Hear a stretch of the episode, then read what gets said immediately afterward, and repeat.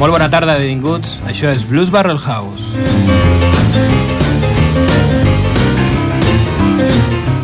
Transmitint en directe des de Ripollet Ràdio al 93.1 de la freqüència modulada.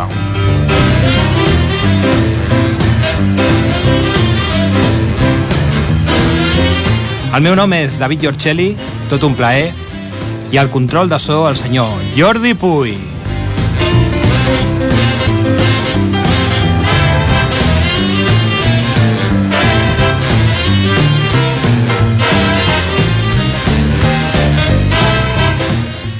Molt bé, com a cada dilluns al nostre programa, el fil conductor serà el blues. Avui parlarem de la guitarra i ho farem amb un convidat de luxe, el mestre de les sis cordes, Predicador Ramírez. Però això serà més endavant.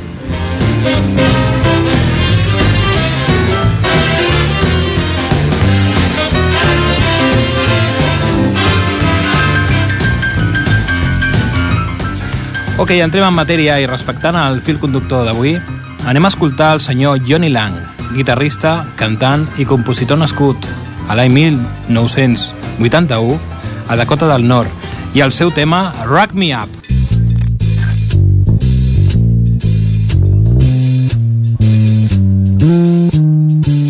I used to hang out down at Jack's Pool Hall. You go down there and don't do nothing at all. You wanted to play some cards, there was a game in the back. If you wanted a shot of something, you went out to Jack. If you had a little money, you was a, a grade A fool. There was a guy down there who used to shoot a little pool, rack 'em up, rack 'em up,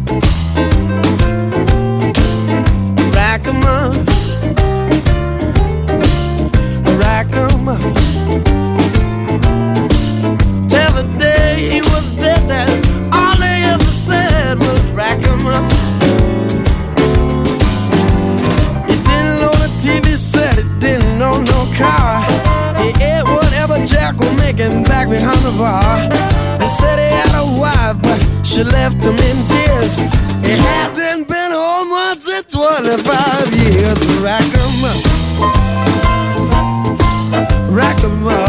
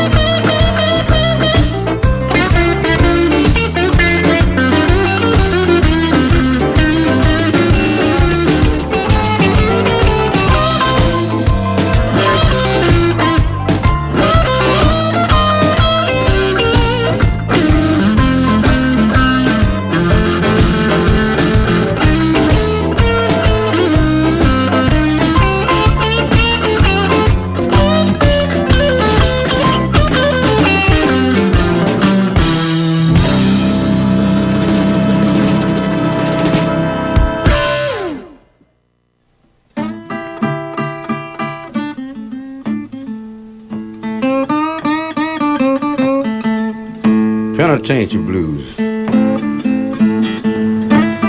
Ok, continuem la travessia amb el senyor Lyrin Hawkins de fons aquí a Blues Barrel House. Presentem el següent artista que he seleccionat, parlem ni més ni menys que del gran Buddy Guy. Nascut a Louisiana l'any 36, és conegut per ser un innovador a la guitarra, dins del blues a Chicago, ciutat on va arribar l'any 1957. Va ser una de les grans influències per a molts guitarristes, com Jimi Hendrix, Eric Clapton o Steve Ray Vaughan per citar alguns. Buddy ha guanyat 5 cops un premi Grammy.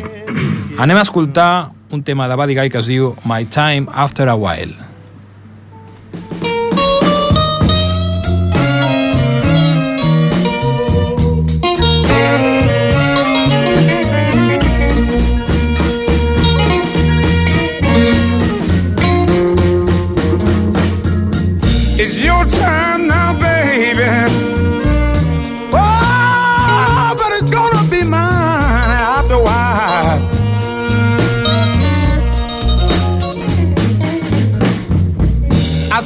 Your time right now, baby. Lord, but it's gonna be mine after a while.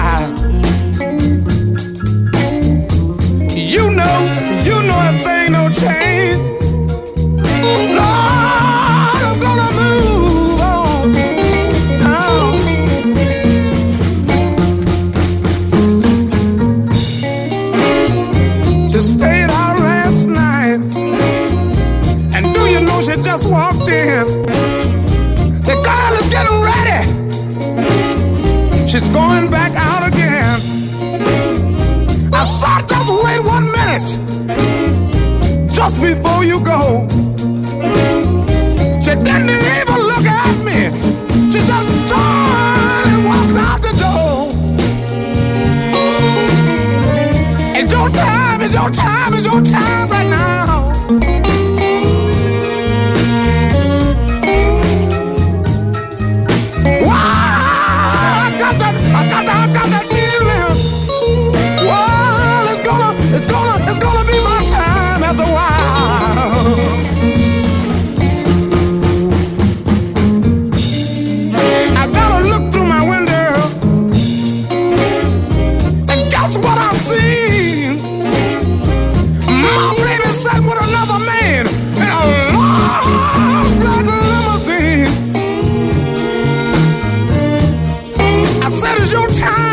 It's your time.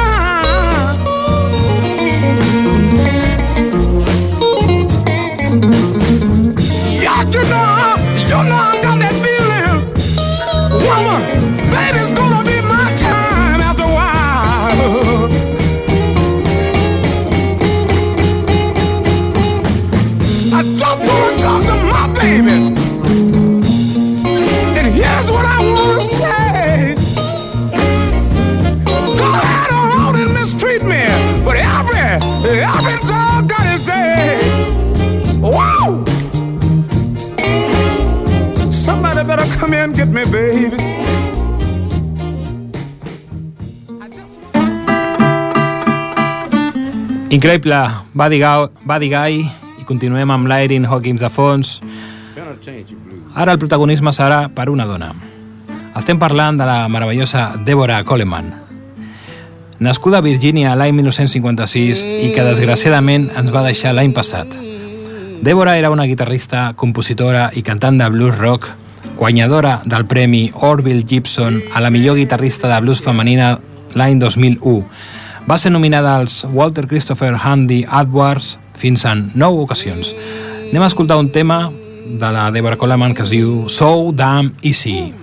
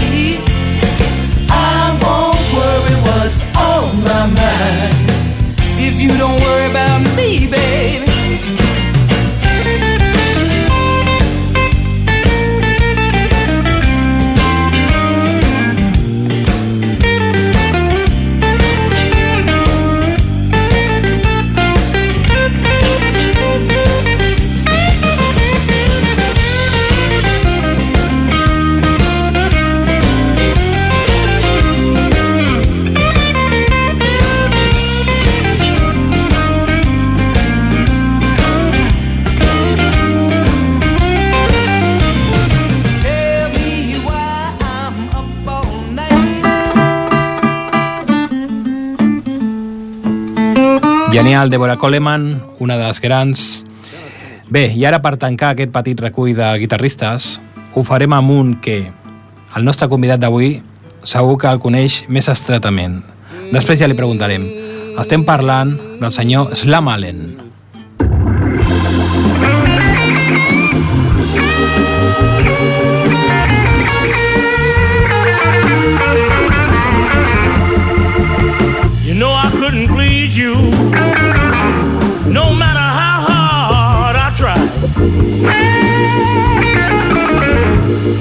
You know I couldn't please you.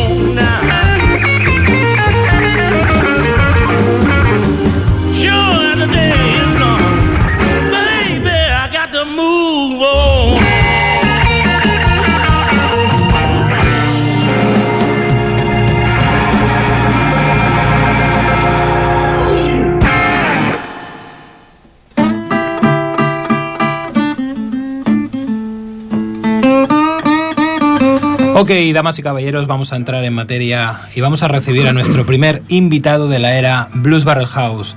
Señoras y señores, I Can Believe, hoy en directo desde Ripollet Radio, el gran, el único predicador Ramírez. Muchas gracias, muchas gracias. Increíble, increíble ese aplauso, nunca había escuchado nada parecido. Nunca, yo tampoco. Bueno, me gustaría comentar que para esta entrevista, eh, en esta sección guitarrera, me voy a pasar a la lengua de Cervantes y básicamente lo voy a hacer porque eh, todo el séquito de fans y de groupies que tiene Predicador distribuidos en toda la geografía española se merecen poder entender lo que vamos a hablar hoy aquí. Si te parece bien. Sí, y, y no es menos cierto que uno de mis apodos más conocidos es se me llama el Cervantes de la guitarra. No siendo que Cervantes fuera manco el menor de los motivos. No es un pequeño motivo, ¿no? Bueno, me gustaría previamente explicar una pequeña anécdota que tengo con Predicador. una anécdota que la verdad que es un poco escalofriante de cómo conocí a este, a este artista, a esta persona. Esta música de miedo yo creo que, que le da un toque más íntimo, ¿no?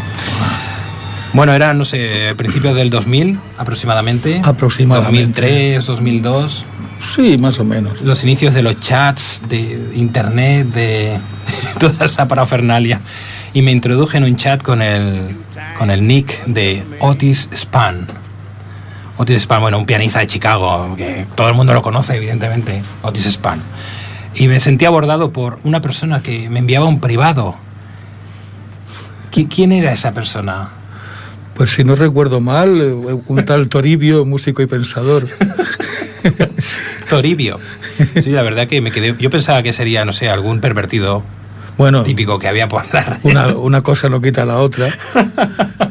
Pero sí recuerdo, recuerdo que vi el, vi el, el nick de Otis Span y creo que entré directamente. ¿Qué? ¿Cómo va el piano ese? Bueno, sí, a raíz de eso eh, mantuvimos una conversación y esa noche yo tocaba en el London Bar con la Tota Blues, Tota Blues Band, y quedamos de que me vendría, porque luego me- él me explicó que era guitarrista eh, de blues y que me vendría a entregar un disco de el primer disco que tenías. Sí, sí. los Huchi Huchi Boys. El legendario más triste es robar. Y así fue mi primera toma de contacto con Predicador Ramírez. Pero bueno, qué mejor forma que saber algo más de, de este gran artista que escuchando el tema Es cosa me va.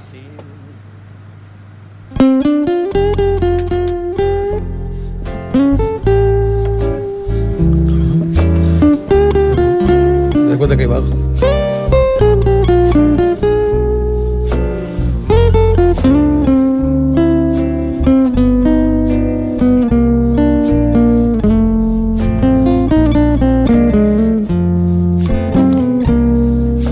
M'adormo quan tinc son i em desperto quan comença a caure el sol. A ningú no li importa és cosa meva i prou.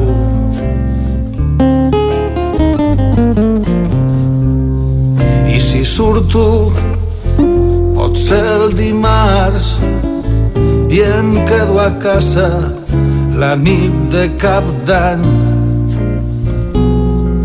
A ningú no li importa és cosa meva i prou. I si a l'estiu pren cigaló o si furtiu planto coliflors a ninguno li importa. És cosa meva i prou.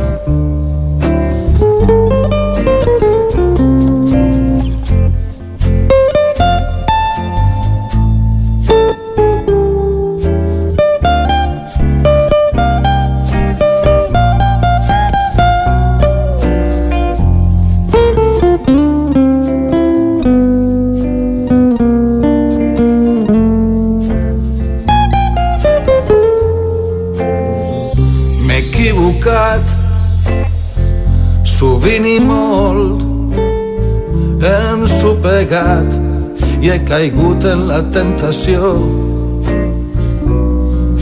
a ningú no li importa és cosa meva i prou cosa meva i prou Soc un somniador, un bandarrà. Tinc dos pantalons i tres guitarres. A ningú no li importa. És cosa meva i prou, cosa meva i prou. A ningú no li importa. a ningú no li importa. A ningú no li importa. Cosa meva i prou, cosa meva i prou. A ningú no li importa. És cosa meva i prou.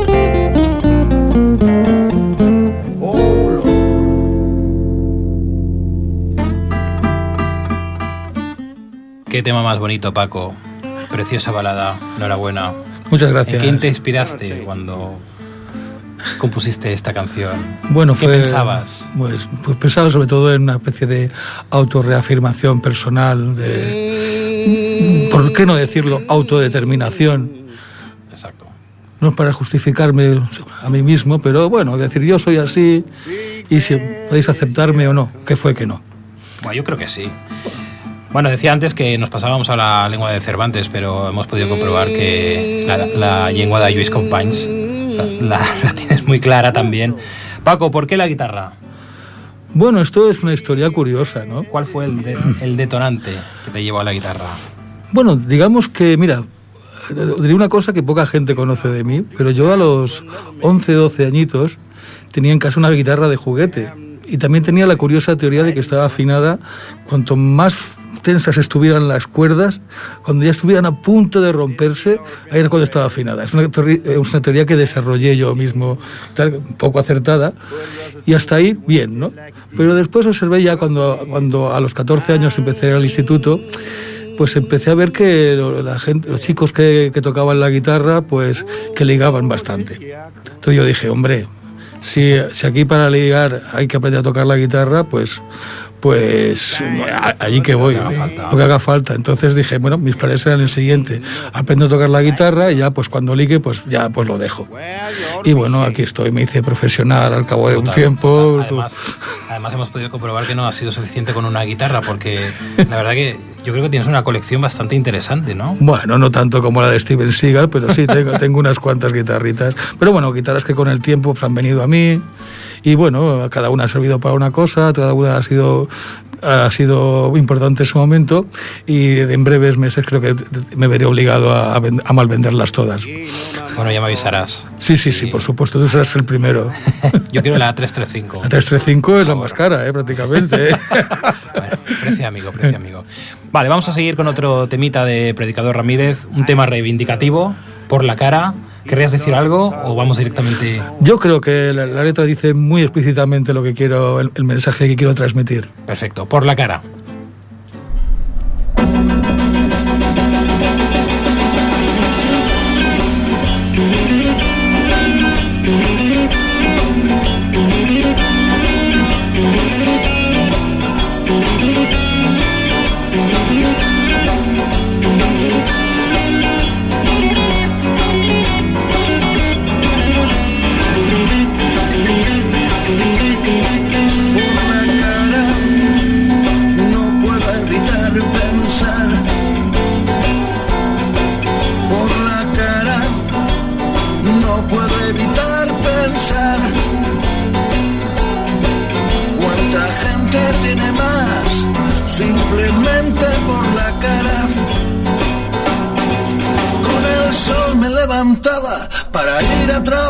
Y cuando el sueldo cobraba no me llegaba pana por la cara.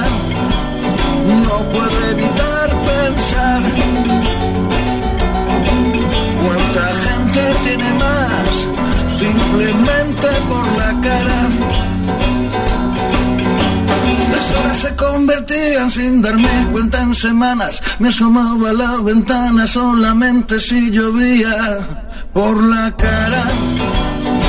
No puedo evitar pensar cuánta gente tiene más simplemente por la cara.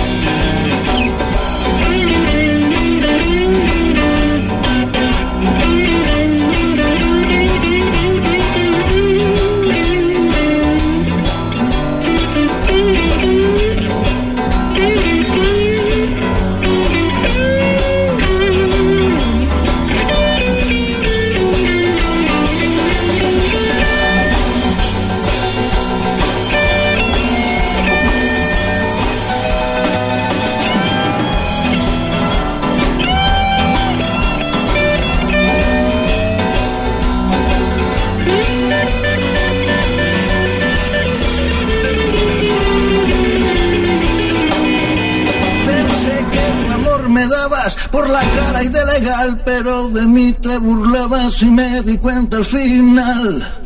Por la cara no puedo evitar pensar cuánta gente tiene más simplemente por la cara.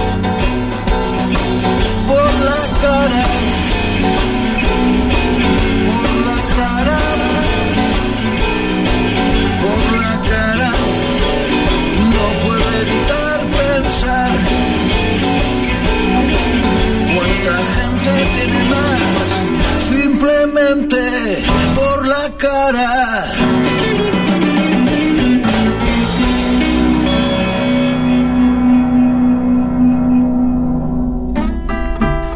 Por la cara, qué gran tema de aquí del maestro predicador Ramírez en directo en Ripollet Radio. Antes hablábamos de por qué la guitarra, pero ahora te voy a preguntar por qué el blues. Hombre, pues mira, pues porque cuando uno empieza a tocar la guitarra, yo, empecé sobre todo escuchando a Deep Purple, Rory Gallagher, me gustaba el rock duro y tal, pero de repente descubrí, gracias a unos amigos, que existía ese tipo de música que aún sin saber sin saber lo que era pues tenía algo que me llamaba que me gustaba mucho. Su, su, su mezcla de sencillez y pasión y pasión en un momento dado no Mm, yo recuerdo haber escuchado blues sin saber que era blues. Yo le llamaba rock and roll lento. También he sido siempre un gran fanático del rock and roll clásico. ¿Cuándo empiezas a escuchar blues, más o menos? pues yo calculo que empecé a tocar la guitarra así un poquito en serio a los 14 años. Ya, ya tengo 56. Yo tocaba lo típico, eh, canciones con bayas y algún tema, mm, Rollins y tal. Y por supuesto lo que ha hablado Rory Gallagher, Deep Purple y tal. Pero a eso de los 16 empecé a, escu- a escu- a descubrir el, el, el blues y es una música que, que me encantó, me, me gustó mucho. Me gustó mucho. Tal vez un poco un, un blues más británico, estamos hablando. Pues curiosamente, lo prim- mi primer contacto con el blues así más clásico fue más bien ya con Muddy Waters, Waters. King. No, los británicos escuchaban rollo más rhythm and blues tipo Rollins, pero insisto, yo iba más del palo de rock duro. bueno, en aquella época se llamaba rock duro, hard rock. Sí, sí, sí, sí. No es curioso porque cada uno tiene sus inspiraciones, ¿no? sus influencias, aunque luego nos lleva a la misma raíz, pero Sí, sí. cada uno tiene sus caminos. Bueno, hemos hecho una selección de temas que tú mismo nos has enviado. Eh, hoy los temas los ha seleccionado Paquito Ramírez. Y el primer tema, eh, un tema del señor Muddy Waters, precisamente el otro día hablábamos de él, del sello Chess de Chicago, y su tema Manish Boys. Vamos a escucharlo.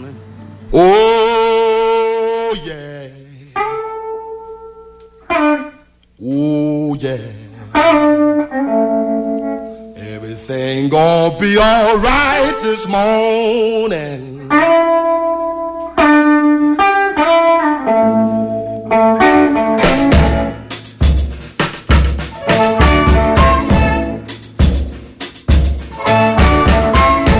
Now, when I was a young boy,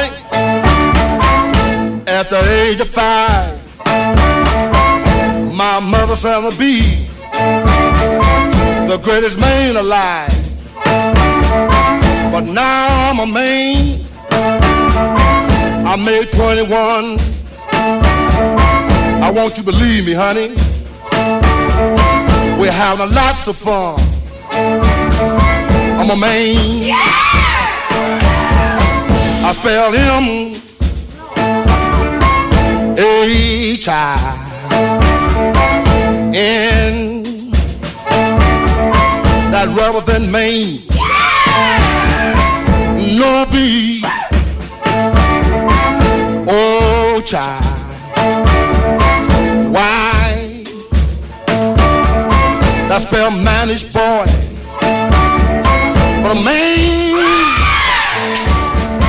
A full grown man. I'm a man. I'm a rolling stone. I'm a man. I'm a hoochie coochie man. Sitting on the outside, just me, my maid.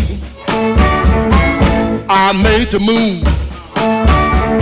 Come up two hours late. Wasn't that a man? I spelled him H I N. That rubber than Maine. No B. Oh, child. Why? That spell managed boy. I'm a full grown man. I'm a man. I'm a rolling stone. I'm a man. Full grown man. Oh. Oh. Bueno, era Maddie Waters y su tema Manish Boy. ¿Por qué? ¿Por qué este tema, Paco? ¿Por qué? Pues por varios motivos, por varios motivos. Eh, mira, el segundo, el segundo, porque para mí es un gran símbolo de, de uno de los grandes atractivos del blues, que es eh, su, su sencillez. Este es un tema monocorde, ni siquiera tiene los famosos tres acordes del blues, es un tema de un solo acorde, monotono, mm, más que monótono, y, Con mucho feeling. y que realmente eh, Maddie Waters al, cantarlo realmente consigue consigue levantar al público con ello. Para mí eso es un símbolo de, mucho. de lo que transmite ese tipo de música. El otro motivo, y quizás el principal, es que eh, siendo yo un chaval, cuando tocaba con mi primer grupo, digamos que éramos unos desarrapados, escandalosos, fui con, fui con el otro guitarrista al cine a ver una película que se llamaba El último que la gente aquí aficionada a la música puede conocerla perfectamente, que es el concierto de despedida que hizo la banda de Bob Dylan, eh, en, The Band se llamaban, con, un- con una serie de invitados. Y de repente, y de repente salió un, un hombre de color negro con medio cuerpo paralizado porque en aquella época se había dado una embolia interpretó el, este tema y yo sin saber nada de blues simplemente eh, flipé, flipé muchísimo con la interpretación de este señor y años más tarde, años más tarde me enteré de que era Maddie Waters. Increíble, increíble historia. Te iba a preguntar, bueno, tú eres barceloní, tú eres de Barcelona de toda la vida, has estado, bueno, has vivido lo que es la situación del blues en esta ciudad desde tus inicios hasta hoy. En realidad estamos hablando de la época de los 80, mediados de los 80, que era cuando se puede decir que te introducías ¿no? en el mundo del blues, hasta principios de los 90. Y eh, mencionas bandas como Armónica Zumel, La Negra, Chicago Blues Tributo. Yo te quería preguntar, en aquella época, ¿había circuito, habían espacios para tocar? ¿Qué condiciones? ¿Cómo era el blues en Barcelona en aquellos días? Pues el blues en Barcelona en aquellos días realmente era una música mucho menos conocida que ahora. Eh, diga- digamos que, por ejemplo, tú ibas a buscar un- a una sala, oye, mira, que tengo una banda que hace blues y tal. En aquella época yo ya hacía blues en castellano, ¿eh? con, con lo, con, el- con lo que era la génesis de La Negra, que era Alma Negra, llamado después Blues Express, y posteriormente La Negra. Ya hacíamos allí un... Un, un estilo de blues en castellano, to- todos los temas propios. Se podría decir que de los pioneros, ¿no? Bueno, había gente más antigua, pero muy poco conocida, pero sí, en aquella época éramos prácticamente, podemos decir que somos pioneros realmente, ¿no? Y, y, y cuando ibas a buscar, como decía, cuando ibas a buscar alguna sala, oye, me queremos tocar aquí, la mayoría de gente te decía, hostia, tío, es que el blues es una música muy aburrida, muy triste, lo, lo ponían como un tema lento, Claro, melancólico tal vez. melancólico, que eres un plasta. Bueno, lo típico, que no tenían ni idea. No tenían gran idea, luego, o sea, luego afortunadamente me sé de grupos precisamente como Armónica Zume, el Chicago Blues Tributo, con los que he tenido el honor de, de colaborar, pues eh, se ha ido popularizando más la parte más lúdica del blues y, y se ha reincorporado. Y ahora, hoy, por ejemplo, eh, el conocimiento del blues es mucho mayor que, en esta época a la que nos referimos, pero que quede bien claro que estoy hablando de la- del conocimiento del blues, no, de, no, de- no del programa musical. Exactamente. Muy bien, pues vamos a continuar con tu selección. Eh, vamos a hablar de un, para mí, uno de los mejores guitarristas. Yo lo disfruto mucho, el señor Albert Collins, el rey de la Telecaster, Iceman. El tema se llama Iceman. ¿Quieres decir algo sobre Albert Collins o pasamos directamente? Me encanta Albert Collins. Albert Collins.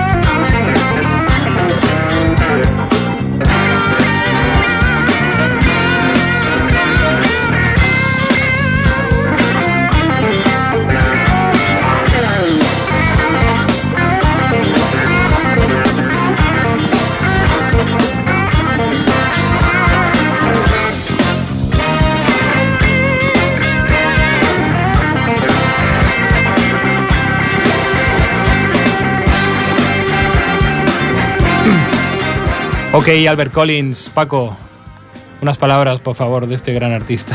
Hombre, Albert Collins, eh, para mí es uno de mis guitarristas de referencia, sinceramente, porque igual que Muddy Waters significaba el feeling con la voz y tal, Albert Collins realmente no es un guitarrista virtuoso, ni mucho menos. De hecho, tiene cuatro trullos de guitarra contados. Con la cejilla, ¿no? Decían que la cejilla se la ponían en el mástil ahí abajo. Sí, porque Albert Collins, esto es una cosa un poco más técnica ya, tenía una curiosa afinación que él me explicaba que venía de sus tiempos como estudiante de órgano, no sé qué significa, No. pero curiosamente afinaba la guitarra en fa menor. Fa menor. Y era zurdo, ¿no?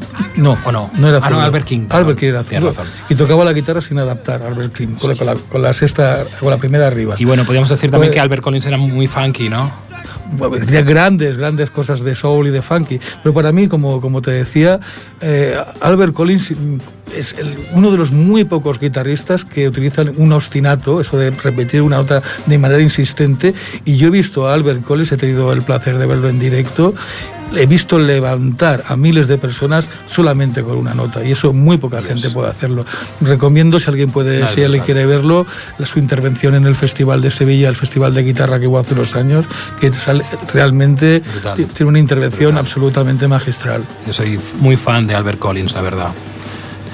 Bueno, continuamos, continuamos con el programa. Eh, vamos a pasar a los años 90.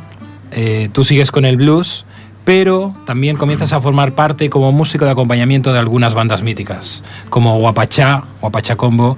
También trabajas con Sergio Makarov, gran cantautor en este caso. Te quería preguntar cómo recuerdas ese paso, si tal vez, tal vez fue algo frustrante, enriquecedor, algo transitorio. Claro, considerando que venías del blues, ¿cómo aceptaste ¿no? Eh, salir un poco del terreno del blues para abarcar otros terrenos? Bueno, digamos que yo siempre he intentado ser, siempre he sido, mm, queda un poco así petulante, ¿no? Pero siempre he sido músico profesional. Entonces, claro, es muy difícil ser músico profesional eh, dedicándose solo al blues y más en la época que estamos hablando.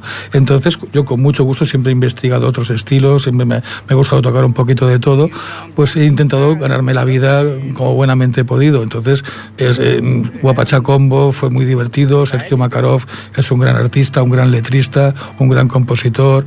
También he estado, mm, he tenido el honor de acompañar a, los Mustang como bajista, a los Diablos, eh, colaboraciones tanto como guitarrista como bajista con los Ires. He hecho obras de teatro como Ren y Ger. Y bueno, pues mm, ha sido, ha sido frustrante no poder vivir, digamos, de, de lo que uno crea, ¿no? Porque yo particularmente, aparte de hacer versiones de blues, también he intentado hacer mi, mi visión personal del estilo. Pero claro, eso tampoco le interesa a demasiada gente, ¿no? Entonces, claro, si quieres vi- sobrevivir de esto, pues tienes que, tienes que hacer otro, otro, tipo de músicas que a mí personalmente me, me ha gustado mucho. De los que hemos hablado, de los, de los que no he hablado, no me ha gustado tanto. Evidentemente. Ok, pues vamos a seguir tu selección, Paco, y vamos a, a escuchar uno de los grandes del rock and roll, en este caso, desde Missouri, el señor Chuck Berry.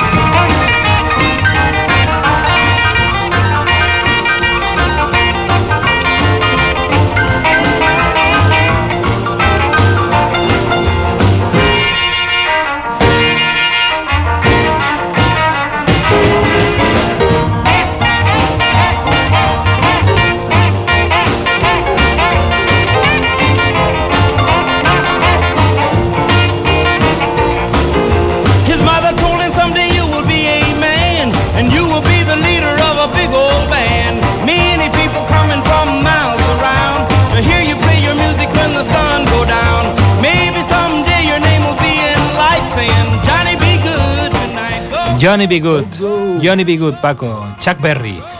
¿Qué nos tienes que decir? Bueno, nada que nos haya dicho ya. El blues tuvo un hijo y lo llamaron rock and roll. Exactamente, Muddy El rock and roll es la parte más lúdica, me encanta y, y particularmente Chuck Berry eh, me gustaría reivindicarlo como gran, el gran compositor que es. De hecho, antes comentaba que tenías una 335, una guitarra, y creo que es el mismo modelo que utiliza Chuck Berry. ¿no? Sí, sí, B.B. King y tantos otros. Es un, modelo muy popular de Gibson, que eso tiene un sonido encantador.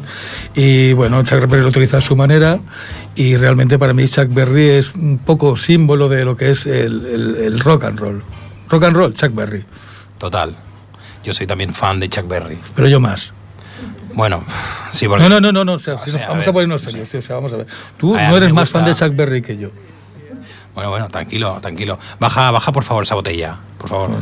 Bien. Baja esa botella. Tampoco te pongas así. No, no, es que vamos a ver, que hay cosas que... Perdona, cosas- perdona, no quería decirlo, perdona. Chuck, yo, yo le llamo Chuck. No, no me gusta Chuck Berry. yo, no, yo- no yo le llamo Chuck. Chucky. Chuck, Chucky. Bueno, en todo caso, Go, go. va- vamos a seguir, Go, vamos a seguir. Mm. Se nos está acabando el tiempo, Paco.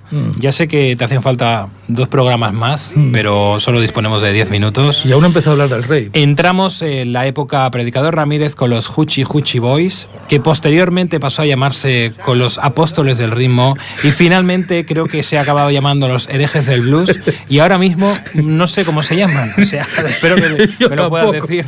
yo tampoco. Luego hasta que encuentre un nombre que me contraten, Sí.